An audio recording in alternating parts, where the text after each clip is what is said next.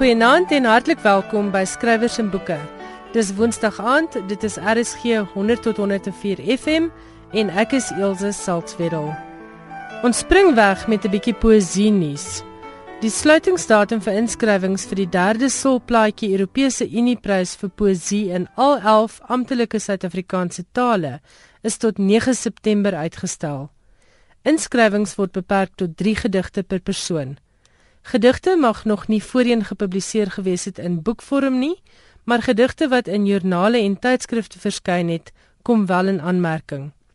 Die skrywer se naam mag nie by die gedigte ingesluit word nie, omdat beoordeling anoniem geskied. Al die gekeurde gedigte sal in 'n jaarlikse bloemlesing deur Jacana Media gepubliseer word. Die gekeurde digters sal genooi word om op 'n Suid-Afrikaanse poësiefees op te tree. 'n Kontantprys van R10000 sal tussen die gekeurde digters verdeel word. Gaan kry jou inskrywingsvorm nou by www.jacana.co.za. 'n Mens spel dit J A C A N A. So dit is www.jacana.co.za. Jy kan dit ook op die tradisionele manier met gewone pos stuur.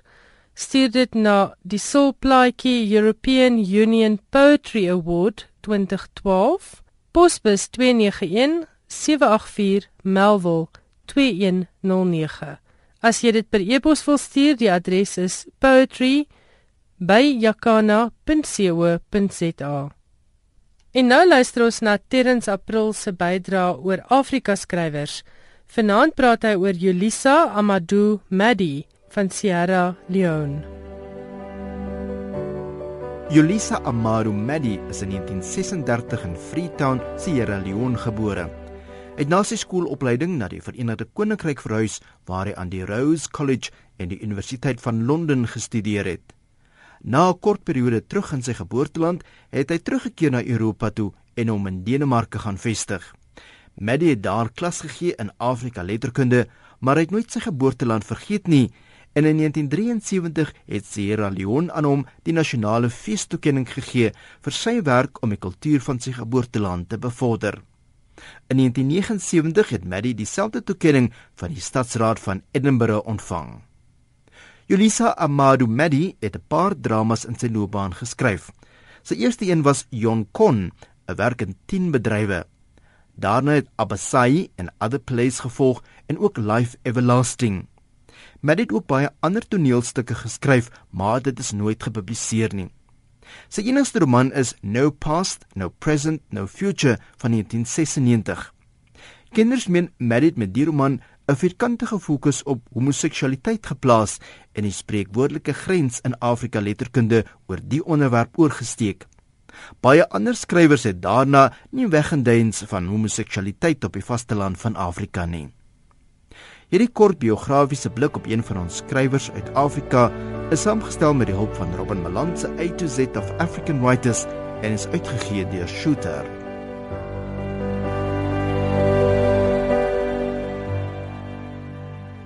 Dankie Terrens en nou is dit Johan Meiburg se beurt. Johan Meiburg, baie welkom. Wat se nuus het jy vir ons as dit kom by internasionale letterkunde? Liggerig vanaand. Ehm um, dit ons begin met Barbara Cartland. Elsje, hoeveel romans dink jy het Barbara Cartland die wêreld ingestuur? Dis baie moeilik. Ek ek sou raai ten minste 150. Ek was verbaas, so allemintige 723. Sjoe. Die hele spulletjie en ook nou 57 wat voorheen nie gepubliseer is nie gaan nou 13 jaar na haar dood uitgegee word of dan weer uitgegee word berig The Guardian. Sy het glo 750 miljoen eksemplare van haar boeke verkoop. Maar daar's mense wat sê dis dalk 'n bietjie dik vir 'n daalder. Ek kan self nie onthou dat ek in 'n boekwinkel Barbara Cartland al op Irak gesien het nie. Maar die vrou se roem is gewis dalk groter as my belangstelling.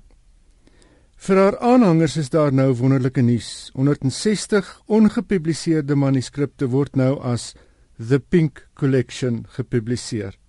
100 of so daarvan is reeds beskikbaar op haar webwerf.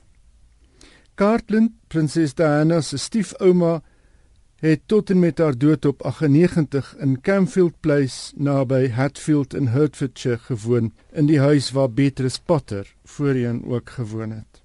En of jy nou dink E.L. James se Pseudo-Sado trilogie is die moeite werd om te lees of nie, dit behoort vir die skrywer van geen belang te wees nie. James is pas aangewys as die nommer 1 op Forbes se lys van topverdieners onder skrywers. Erika Leonard James se 50 Shades of Grey het die misdaadskrywer James Patterson verbygesteek met die sowat 960 miljoen rand wat sy met die boeke verdien het. Patterson behoort heeltemal in sy skik te voel met sy 920 miljoen wat hy verdien het. 50 Shades of Grey, James se debuut is in 2011 uitgegee en verlede jaar het 50 Shades Darker en 50 Shades Fade verskyn. James het lesers geboei, sal 'n mens sê met haar eksplisiet erotiese verhaallyn deurspek met BDSM elemente, maar sy het ewenigs lesers verloor weens haar swak skryfstyl. Nietemin en dit kon 'n mens seker verwag het, word die rolprent weergawe in Augustus volgende jaar uitgereik. Vervolming begin sodra daar op 'n rolverdeling besluit is. Dit gons op die oomblik op webwerwe oor kandidaate vir die twee hoofrolle, die van Christian Grey en Anastasia Steele. Die Suid-Afrikaanse model Devin Paisley is glo ook 'n teestander vir Jesse Pavelka, Paul Walker, Dominic Cooper en James Franco. En vir die rol van Steele is die mededingers onder andere Amanda Seyfried, Amelia Clark en Alexis Bledel.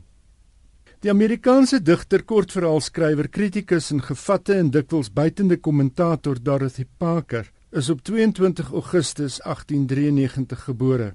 Sy is in 1967 op 73 jarige ouderdom aan 'n hartaanval dood en haar as het lank na haar dood op verskillende plekke stof vergader, onder meer vir 17 jaar in haar prokureur se liaseer kabinet.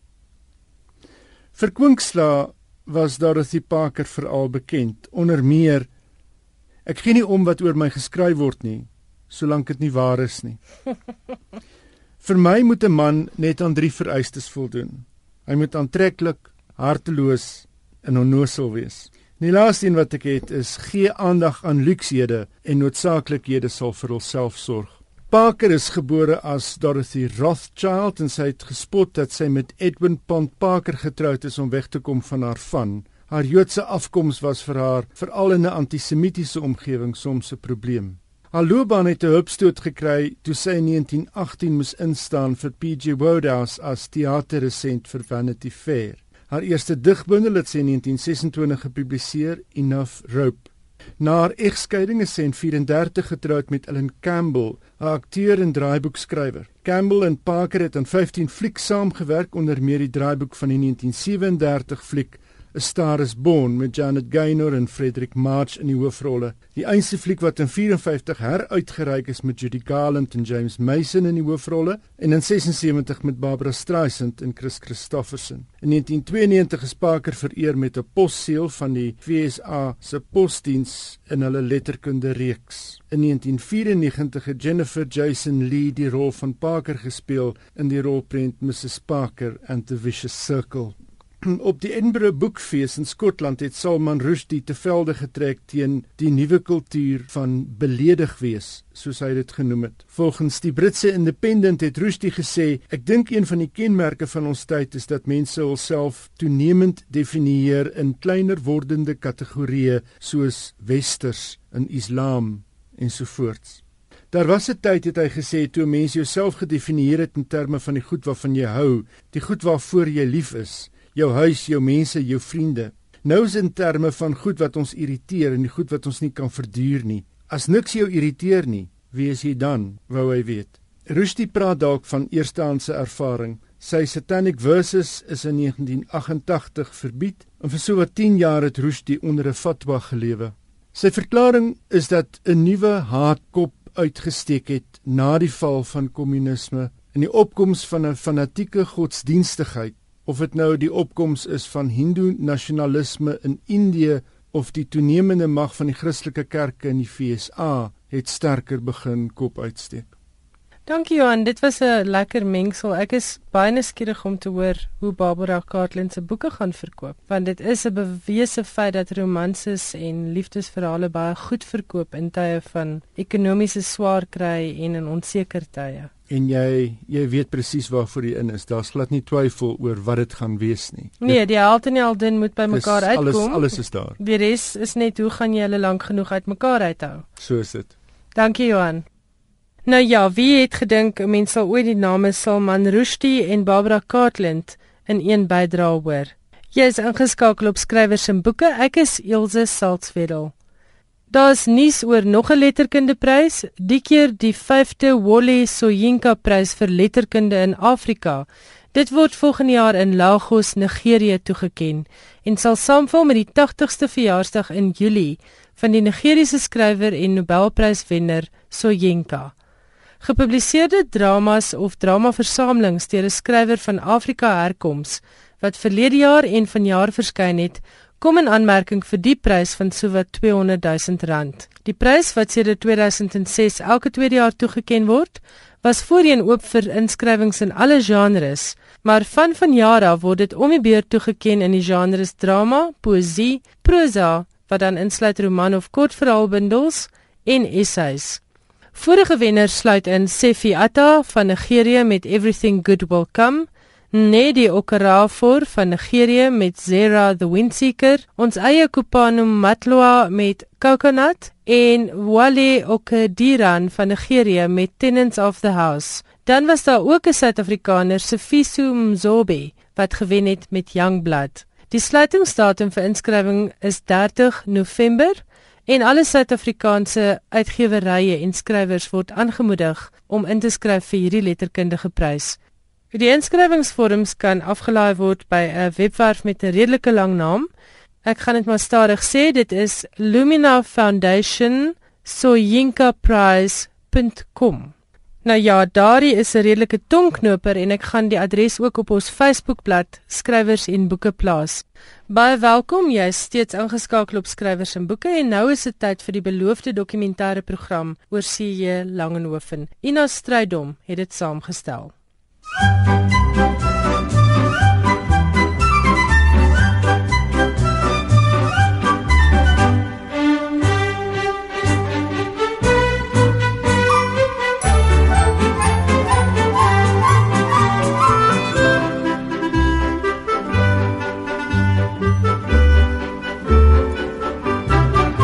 Sy outobiografie U dienswillige dienaar skryf Langehoven. As die geskiedenis nie interessant is in sy verhaal soos hy was in sy eie beloop nie, skeel dit aan my gebrekkige ambagsbekwaamheid as verhaler.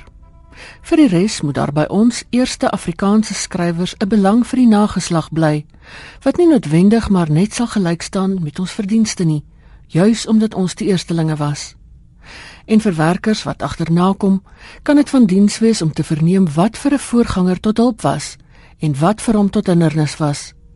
Geen twee van ons vind ooit dieselfde pad nie, maar om van die ou te weet, is om die nuwe met al sy verskille beter te verstaan.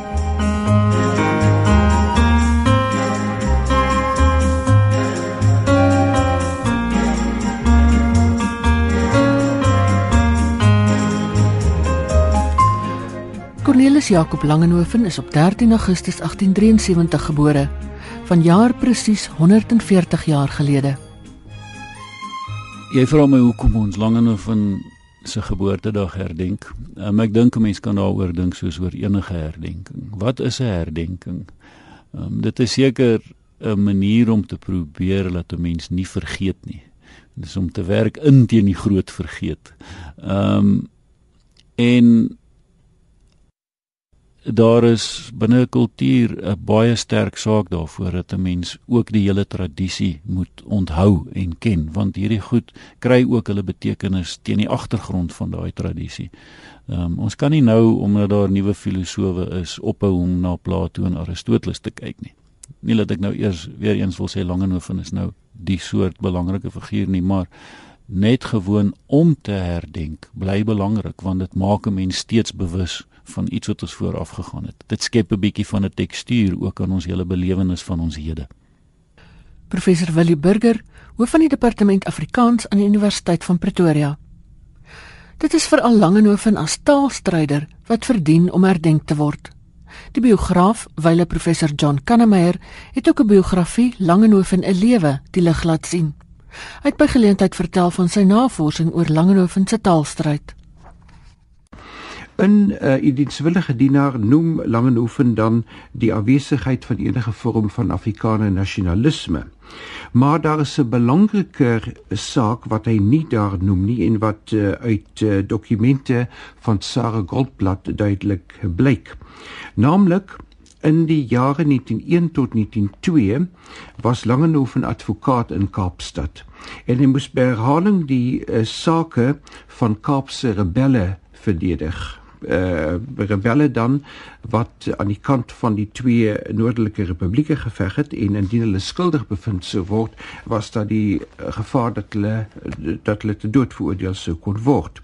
Nou uh heel wat van die rebelle wat uh, Engels nie magtig was nie, uh moes in 'n Engelstalige hof hulle saak verdedig.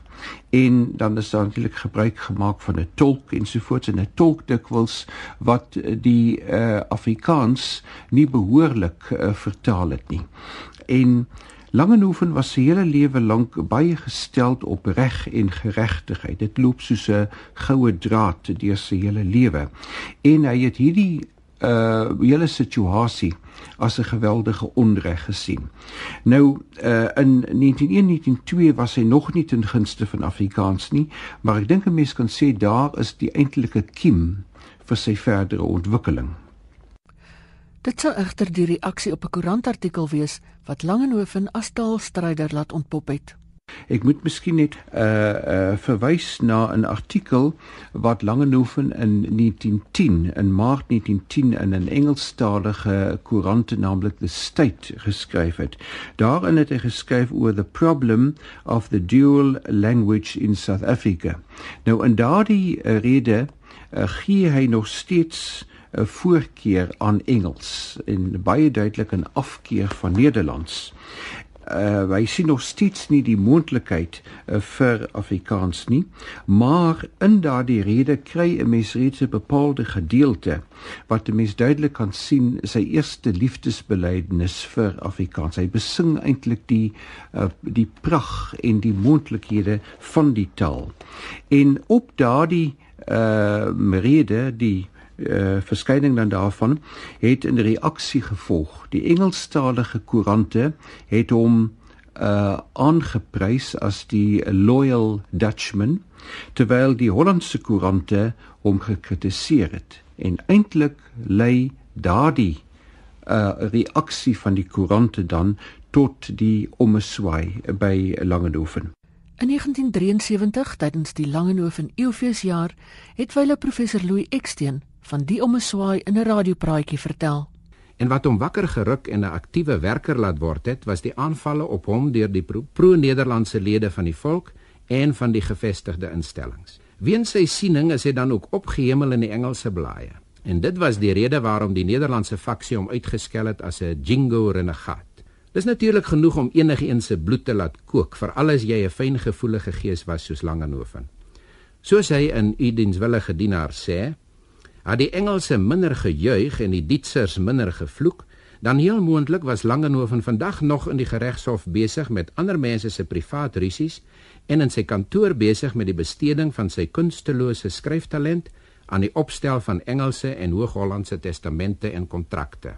Nou in 1912 uh, eh, word hy dan redakteur van die Oudtshoornse koerantjie Het Suidwesten en daarmee kry hy eintlik 'n podium vir sy taalstryd uh, wat hy dan begin uh, uh feitelik in elke koerant soos hy dit stel in die willige die daar was daar 'n gedreun en 'n gedonder in verband met Afrikaans.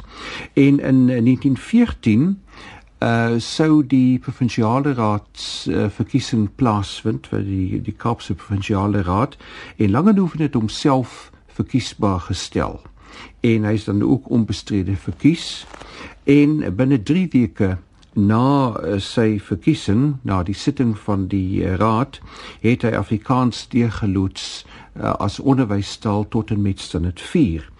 Uh, Langehoven het ingesien wat die ander taalsyders nie ingesien het nie. Naamlik dat jy kan met verenigings en toesprake en pleidooie ensovoorts kan jy heelwat verrig, maar jy kan nog nie Afrikaans erken kry nie. Om dit te doen, moes iemand op staatkundige vlak aktief wees. En dit het Langehoven dan begin met sy toetrede tot die provinsiale raad. Die bekende joernalis Skalk Pinaar het tydens die eeufeesjaar Langehoven se koerantfase so beskryf. Het Suidwesten was nasionaal in sy uitkyk en algemeen opvoedkundig 'n mondstuk van die Afrikaners. Maar hy het in Hooghollands en Engels verskyn. Langehoven het hom nie alleen Afrikaans gemaak nie, maar ook pleitbesorger by uitnemendheid vir Afrikaans as skryftaal in plaas van Hooghollands. Dit het so getref dat sy aanvaarding van die redakteurskap so ongeveer saamgeval het met die ontwaking in hom op byna 40 jarige leeftyd van sy skryftalent in Afrikaans en van sy oormeesterende geesdrif om Hooghollands deur Afrikaans vir die Afrikaner te vervang. Nou het hy 'n mondstuk gekry en met niemand se verlof nie behalwe sy eie het hy die blad verander in 'n orgaan om nie te sê 'n orkaan nie vir die propagering van Afrikaans. In sy daaglikse journalistieke wandel was hy Victoriaans pruits, ver van alles wat suggestief kan wees, ver van mense se private sake rustig in die aanbieding van sy nuus. Maar as kampvegter vir Afrikaans was hy 'n woesteling. In latere lewe amper skaam vir die manier waarop hy sonder aansien van die persoon op tone getrap het.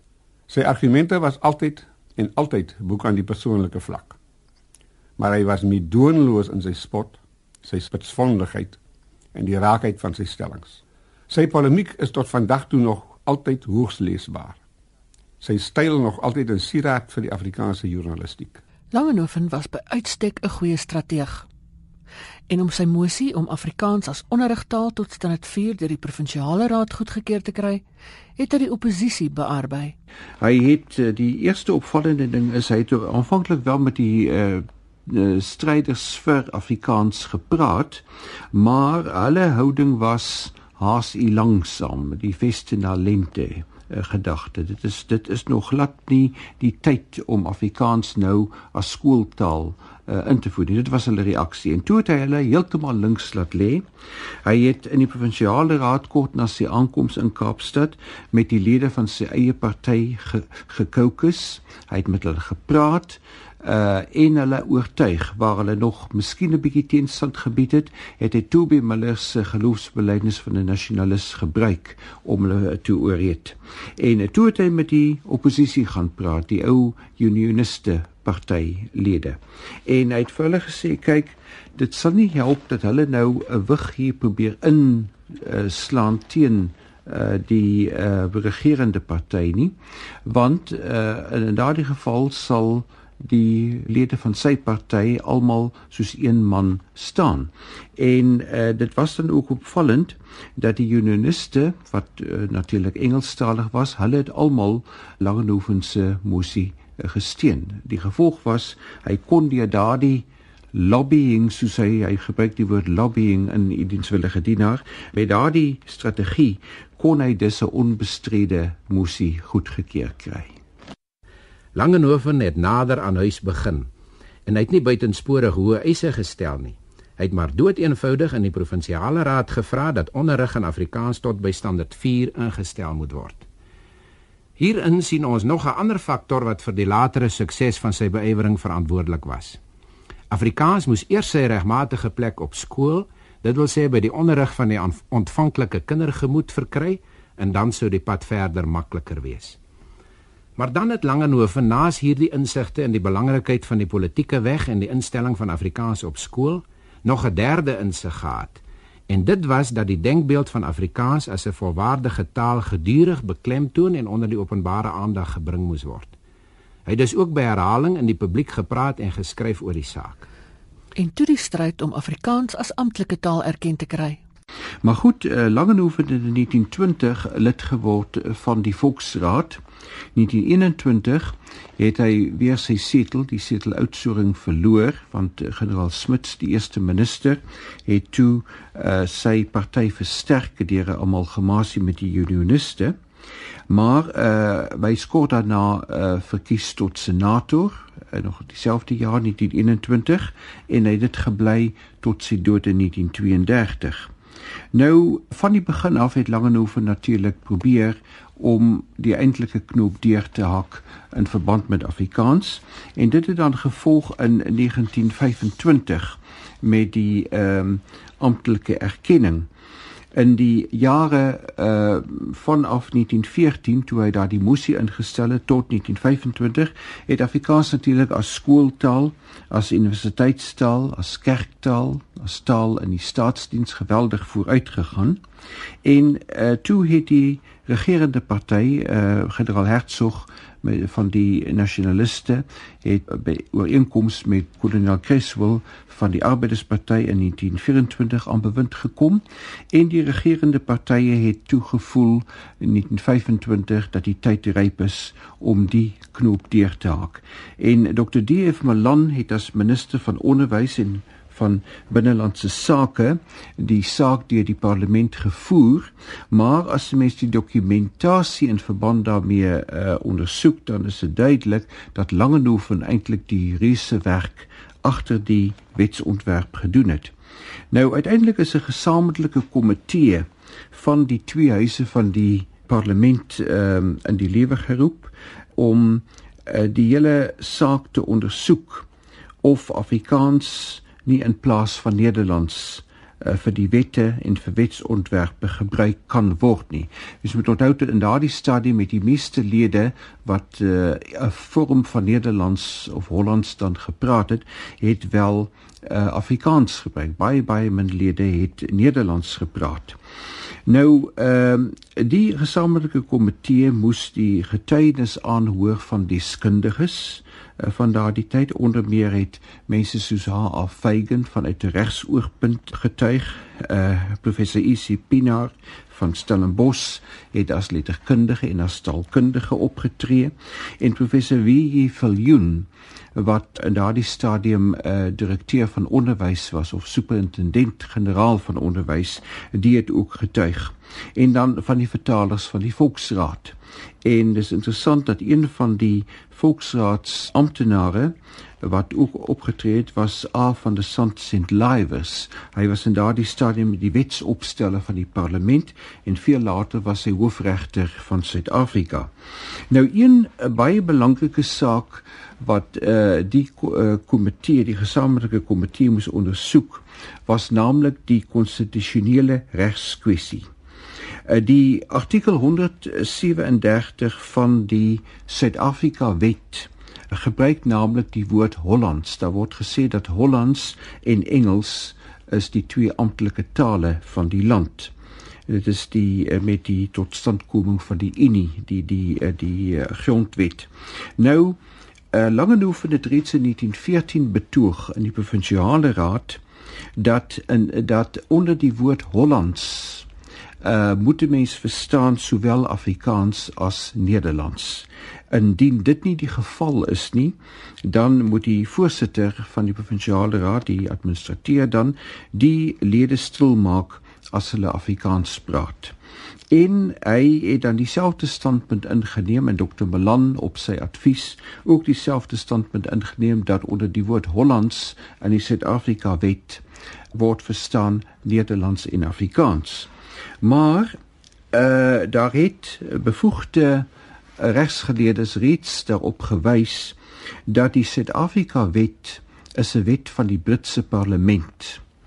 En die woord Dutch in daardie Britse parlement se wet uh, as jy uh, dit gaan probeer vasstel wat beteken Dutch in Engeland dan sal die meeste Engelse vir jou sê dit beteken die taal van Nederland met ander woorde as daar 'n toetssaak sou kom dan kon dit gebeur dat die hof sou besluit die woord Dutch in die grondwet of eintlik die Suid-Afrika wet, dit beteken inderdaad die taal van Nederland. En om dit te vermy om uh, die gevare van 'n toetsaak te vermy, uh moes die grondwet toe gewysig word. En dit kon alleen gebeur met steun ook van die oppositie. En uh, gelukkig was die oppositie bereid om 'n verband met die bepaalde en baie kardinale saak die regerende partye te ondersteun en is op 8 Mei 1925 dan Afrikaans erken as amptelike taal saam met uh, Nederlands. Of eintlik wat gebeur het is dat die woord Hollands verklaar die uh, parlement dan beteken ook Afrikaans. Langehoven het as skrywer 'n reuse bydrae gelewer tot die vestiging van Afrikaans as leestaal en die Afrikaanse letterkunde. Kyk, hy het natuurlik eh, tevore al reeds begin te skryf in uh, Afrikaans, maar uh, sedert hy lid geword het van die provinsiale raad, het hy het dit toenemend uh, meer geword. Kyk, in 1915 is die burger ook opgerig. 1914 het uh, het Suidwesten as gevolg van die val van die volstrysfere uh, het dit uh, het dit tot niet gegaan. Hy was toe 'n tyd lank sonder podium, maar 1915 met die oprigting van die burger het hy feitelik vanaf die eerste nommer meegewerk. Daarin verskyn dan baie gou ook uh, van sy polemiese stukke onder sy bekende skuilnaam Sagmoedige Neelsie. Later aan in die 20e jare tot met sy dood het hy uh, weekliks natuurlik die rubriek gehad aan Stille Waters. Maar uh, sy produksie in die 20e jare was eenvoudig fenomenaal. Dit bly nog steeds een van die grootste in omvang, een van die grootste produksies van 'n Afrikaanse skrywer. En sy groot groot bydrae staan in daardie 16 volumes uh, saamgevat wat ons in baie huise nog steeds het en sien. Ehm um, jy weet daar is nog geweldig baie van daai versamelde werke van Langehoven in mense se huise. Ek dink nie dit word nou meer so baie gelees nie. En ons kan nou praat daaroor waarom nie. Maar ehm um, die interessante is tog dat hy 'n groot bydrae gelewer het juis in daai tyd waar daar weinig was in Afrikaans om te lees in Afrikaans en dat hy op soveel terreine probeer het om iets in Afrikaans te gee. Het sy vir die koerant in rubrieke, het sy in die langer werk wat hy geskryf het of in die vertalings wat hy gedoen het in, in gedigte, spookstories, noem dit op, kinderverhale. Um en daai bydra dink ek is moeilik om nou te meet Ehm um, want daarsonder sou daar beslis in elk geval veel minder in Afrikaans gewees het om te lees. En die gevolg is natuurlik ook dat dit ehm um, dat Afrikaans nie so maklik gevestig sou geraak het as 'n uh, skryftaal en 'n leestaal nie. So daai bydra dink ek is on, onskatbaar. Daar word baie keer gesê, kyk, Lulu Rai was die eerste wetenskapfiksie in Afrikaans. En en dit is pret dink ek om te lees vir iemand van um, my generasie en dalk weet ons wat nou 'n bietjie ouer is, maar kinders gaan nie nou meer Lulu Raai gelees kry nie. Um, jong mense gaan dit nie lees nie. Dood gewoon is dit te stadig, daar gebeur hopeloos te min en daar's te lang moeisame beskrywings. Jy lees teen 'n groot weerstand in wat daai tyd die konvensie van skryf nog baie nader aan was. En en en ek dink daarom is dit nie so oortuigend om dit nou te lees nie. Ek het gekyk met my eie kinders toe hulle klein was, was Brolloks en Bittergal. Ehm um, as ek die storie vir hulle vertel, ehm um, nog redelik aanvaarbaar, maar om dit self te gaan lees, het hulle ook bietjie moeisaam, langsaam gevind. Die ook die die Afrikaans self is natuurlik vir hulle al 'n bietjie vreemd. Te vergeefs het ek haar onder die oog gebring dat ek selfs met heersende veerepryse nie in die vermoë was om die hele streep kus tussen George en Mossel Bay op te koop nie. En waarvoor wil jy die hele strand koop? Ons het maar 'n erfie daar nodig. Ek wil nie 100 strandhuise hê nie, as ek maar een ou huisie daar kan kry. Maar die word my nie gegee nie. Maar vroutjie, wie is dan tog redelik en verstaan tog? As ek 'n erfie daar het, kan ek mos nie ander mense keer om ook daar te kom bou en te kom woon rondom my nie. En waarvoor wil jy hulle keer? Waarvoor wil ek hulle keer? Het ek nie sonde genoeg met hulle hier nie? Hier waar ek tussen hulle woon en hulle tussen my terg en tempteer en trotseer hulle my van alle kante. Hulle het my siel al byna skoon opgevreet. Dis jou skuld, sê sy. Jy's ewig en altyd met die laaste mens kwaai vriende. En dan is dit almal leë, maar jy wat vir onreg in vervolg word. Dit is altyd jy wat reg is en hulle wat ongelyk het. Maar waarom kom hulle almal met mekaar klaar en jy kan met geen een klaar kom nie? Dis omdat hulle almal eeners is en ek is nie eeners nie. Ek is anders. Want dis waar wat jy sê, vroutjie. Dit is my skuld. Dis omdat ek so sagsinnig is. Nou maak almal daarvan gebruik. Hulle trap maar op my kop. Hulle weet ek sal hom nie onder hulle voete uittrek nie. Ek is glad te goed. Ek het hulle totaal bederwe deur my slegtigheid van goeieheid. En ek erken dis nie reg nie. Maar ek kan my ongelukkige geaardheid maar nie verander kry nie. My lewe lank stry ek al teen daardie melkpappigheid van my, maar te vergeefs. Dit was 'n uittreksel uit 'n voorlesing van Sonde met die bure. Wyle professor Elise Botha het Langehoven as 'n veelsidige vernuwer bestempel. Om van Langehoven se veelsidigheid te praat, is om die oorbekende bekend te maak. Maar tog is dit juis die veelsidigheid wat hom aan die leser opdring wanneer mense jou gedagte laat gaan oor Langehoven en die letterkunde. Slaan mense literatuurgeskiedenis oop, staan jy verstom. Nie net oor die groot aantal werke wat Langehoven geskryf het nie, maar oor die groot verskeidenheid literêre forme wat hy beoefen het. Daarby moet 'n mens onthou dat sy skrywersloopbaan maar betreklik kort was. Sy literêre debuut het hy in 1909 gemaak, slegs 23 jaar voor sy dood in 1932. Wanneer 'n mens praat van Langehoven se beoefening van so 'n groot aantal literêre forme, nie net die groot forme poësie, prosa en drama nie, maar allerlei onderafdelings van die groter gebiede ook. Moet 'n mens eintlik die tyd waarin hy geskryf het, veral die tyd waarin hy begin skryf het, in gedagte hou om hom in sy opperbelangrike rol van ontginner, van eksperimenteerder in die Afrikaanse letterkunde te sien. In sy eie taal, in die letterkunde van sy mede-Afrikaanssprekendes, het Langehoven geen voorganger en geen tydgenoot gehad wat enigsins die ryke verskeidenheid van forme kon ewenaar nie. Sy het tydens die Eeufeesjaar vertel watter hoogtepunte daar was. Die paaie sou uitloop wat die poësie betref op die groot spel Die pad van Suid-Afrika waarin die stem van Suid-Afrika in 1921 sou staan. Wat die verhalende prosa betref op die bekende satires Doppers en Filistyne, Sonde met die bure, Harry op die ou tramspoor hoewel dit onderstreping verdien dat Langehoven so 'n sorgsame boumeester in sy redenaarskuns ook 'n storie uitmuntend kon bou. En die storieverteller ontmoet 'n mens op sy beste in die spookstories Geeste op aarde en die wandelende geraamte. In die eerste Afrikaanse speurverhaal Donker spore en natuurlik in die sprokie waar sonder 'n Afrikaanse kind nie kan groot word nie, Brolloks en Bittergal. Die brief in stukkies en brokkies word die pragtige briewe van skadewees van Nasaret. Die meimeringe vind ons terug in aan stille waters. En die toneelstukkie van sy debuut in 1909, Die Watersaak, is uitgebrei en verbeter as die laaste van die takkare vandag nog met ons as deel van ons moderne toneelskat. So het Langehoven sy veelsidige talent tot aan die einde bly ontgin. Om Karel, stop Piet. Ma, stil trein nie. Ma, ek en Piet. Aan nie alwêreld. Ek sê aan nee, kan julle my nie laat klaar praat nie? Wag oom, ma Piet het 'n verpleegster nodig. Kan ek hom verpleeg? Julle twee het albei verpleegsters nodig en slaag. Ja, nee, dis wat hulle nodig het, ja. Maar vandag se kinders regeer mos. Soos Henry sê, die wêreld draai.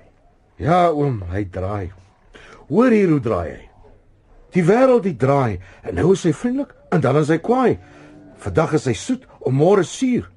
Geen vreugde hou stand in geen droefheid duur. Dit jou versie Piet of 'n ander man se kalf waar jy mee ploeg, hè? Hy oom. Uh, uh, ja, meester. Ek was besig om te sê toe hierdie twee kinders my in die rede kom val. Ek en jy, ons twee ouens. Ag, ons moes maar by mekaar gebly het om mekaar op te pas. Ons het albei gewerk. Ons het albei ons rus verdien. Ek het gesaai en geoes en na die oes my koringsakke getel.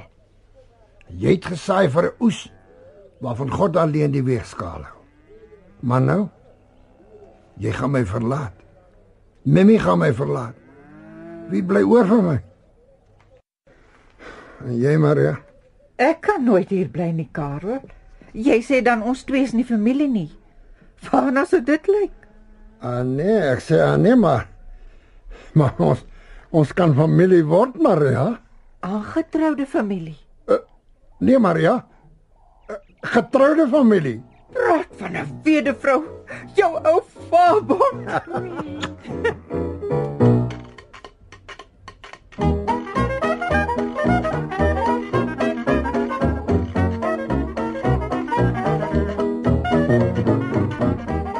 Jy het geluister na die laaste van die takkare deur C.J. Langenhoven. Die opname is 1988 uitgesaai, een van minstens 3 keer wat die laaste van die takkare oor die radio uitgesaai is. Langenhoven was natuurlik ook die skrywer van die stem van Suid-Afrika wat later as amptelike volkslied erken sou word en vandag steeds deel van die nasionale volkslied is. Uit die blou van ons hemel, uit die diepte van ons see, oor ons ewige gebergtes waar die kraanse antwoord gee, deur ons ver verlate vlaktes met die kroon van Ossewa, ruis die stem van ons geliefde van ons land Suid-Afrika.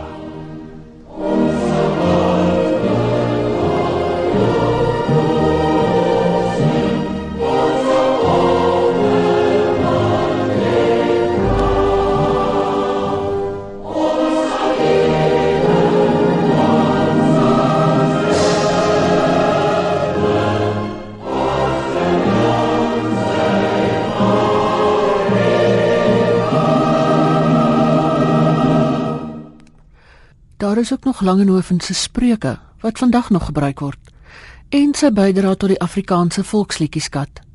Maar dis as kampvegter vir Afrikaans wat hy vir altyd onthou sal word. Ek dink aan sy algehele toewyding, sy oorgawe, sy dweepsug vir wat hy eers in sy 37ste, 38ste jaar as lewenstaak ontdek het. In spreek 43:44 maan hy Wees 'n redelike man wanneer jy jou politiek beraam, maar 'n dweper wanneer jy dit uitvoer. Toe hy eenmaal koers gekry het, het hy die dweper vir Afrikaans geword en tot op die laaste gebly. Die stem van Sarah Goldblatt, administrateur van Langehoven se letterkundige nalatenskap en jarelange vertroueling en vriendin. Die heel eerste ding waar Langehoven as skrywer van belang is, is bloot deur die gebruik van sy Afrikaans. Hy het in die bestek van 'n dekade van Afrikaans 'n werklik soepel werktuig gemaak. As jy mens kyk na sy eerste manuskrip wat hy in Afrikaans geskryf het, dan is dit nog 'n baie sukkelende Afrikaans. En hier in die 20e jare sien mense dit veral in sy prosa dat hy werklik in Afrikaans skryf soos geen een van sy tydgenote dit kon doen nie. As jy sien die taalritme, dit is baie belangrik by Langehoven, die uh, woordkeuse.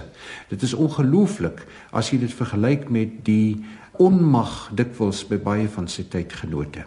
Maar as jy vir my vra, weet behoort ons nog dit te lees, behoort ons dit nog voor te skryf van studente, behoort mense nog kennis te neem hiervan, dan dink ek ja. Um uit 'n kultuurhistoriese oogpunt is dit baie interessant. Ehm um, dit is dit maak 'n wêreld oop en dit help 'n mens om 'n om 'n sekere tydperk en tydsgewrig te verstaan. So doodgewoon uit daai oogpunt is dit belangrik. Ek dink dit is waarskynlik ook belangrik uit 'n literêre oogpunt, literêre histories aan die een kant. Dit is die waar ons letterkunde soos hy vandag ook daar uitsien vandaan kom en daar's baie invloede. Ehm um, maar meer as dit, 'n mens kan ook gaan kyk na die tekste self, want daar is ook besonder boeiende aspekte van sy tekste. Ehm um, en en sekere insigte wat dit die moeite werd maak om te lees.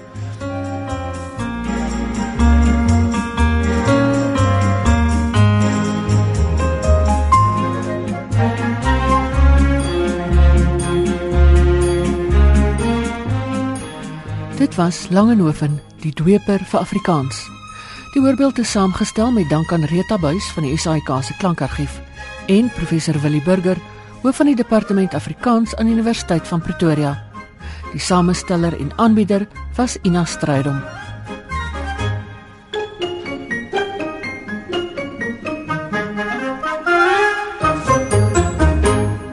Dankie Ina, dit was 'n heerlike program oor Langehoven. Dit was dan vanaand se skrywers en boeke. Volgende week het ons onder meer 'n lekker debat oor die pryse van boeke wat aan die gang gesit is deur 'n koerantrubriek deur Anne Marie van der Walt. Ek het met 'n paar uitgewers gesels en hulle verduidelik onder meer hoe word boeke se pryse bepaal en saamgestel. Dan is daar ook 'n bydrae oor die Universiteit van Johannesburg en die ATKV se gesamentlike Afrikaanse projek in Soweto en Corina van der Spool gesels weer met professor Willie Burger. Soos altyd was dit baie lekker om saam met julle te kuier. Laat hoor gerus van jou per e-pos. Ons adres is skrywersenboeke@rsg.co.za. Die SMS nommer is 3343 en alle SMS'e kos R1.50. Daar's 'n potgooi van vanaand se program beskikbaar op ons webwerf rsg.co.za. En die program word ook Sondagnag herhaal in deernag. As jy op Facebook is, sluit gerus aan by Skrywers en Boeke. Dit is dan al van my, Elsje Saltzwedel. Ons praat weer volgende Woensdag aand tussen 8 en 9.